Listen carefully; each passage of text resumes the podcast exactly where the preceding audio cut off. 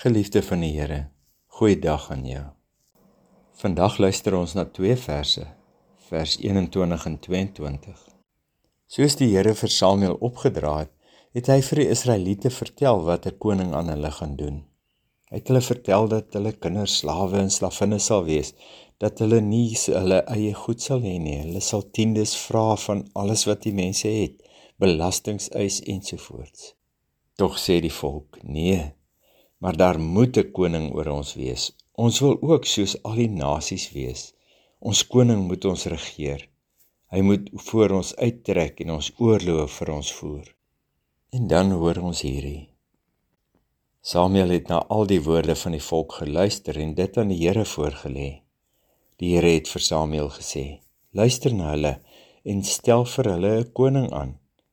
Samuel het daarna vir die mense van Israel gesê: gaan elkeen na sy stad toe. Ons het die voorreg om terug te kyk na hierdie stukkie geskiedenis. Ons kan van hier af vir hulle sê, julle maak 'n fout. Vertrou die Here as julle koning. Ons weet die eerste koning het goed gedoen, maar hy het ook liderlik gefaal. Met die tweede koning, koning Dawid, het dit beter gegaan. Maar daarna het dinge nie goed geloop nie. Tog toe Samuel die woorde van die volk aan die Here voorlê, het die Here gesê: "Stel vir hulle 'n koning aan." En Samuel, al wat hy kon sê is: "Gaan na julle stad toe." Die leiers is verskriklik ingenome. Hulle het gekry wat hulle gevra het. Dit wat hulle so lank gesmeek het by die Here, dit het hy gedoen. Het jy al so vir die Here iets gevra en nie gekry nie, maar bly vra? Stop eers hier om net 'n rukkie daaroor na te dink.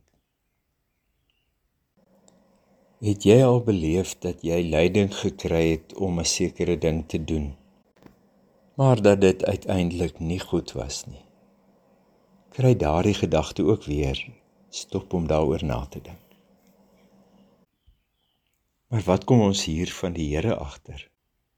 Selfs al gee die Here toe aan hulle nikke en grille, los hy hulle nie Elke keer wanneer 'n slegte koning oor hulle regeer, kom haal die Here hulle weer, selfs toe hulle in ballingskap was. Het die Here hulle nie gelos nie. Het hy Kores gebruik om hulle te bevry. Later het slegs vreemde volke oor hulle regeer, die Grieke en die Romeine.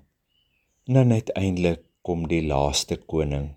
En na hom is geen ander nodig nie. Toe neem hy weer die leiersels oor. Ons ken hom as Jesus, die Christus, die gesalfde. Vandag regeer hy nie net oor die Israeliete nie, maar die Christene kan sien hy regeer oor alles en almal. Ons, die Christen gelowiges, kan sy heerskappy erken. Wat ons in hierdie gedeelte hoor, is dat dit gevaarlik kan wees as die Here vir ons gee wat ons vra. Tog weet ons, hy sal ons nooit alleen los in hierdie omstandighede nie. Hy kom red maar elke keer weer wanneer ons in ons slegte besluite 'n fout maak. Genade, vrede en liefde vir jou.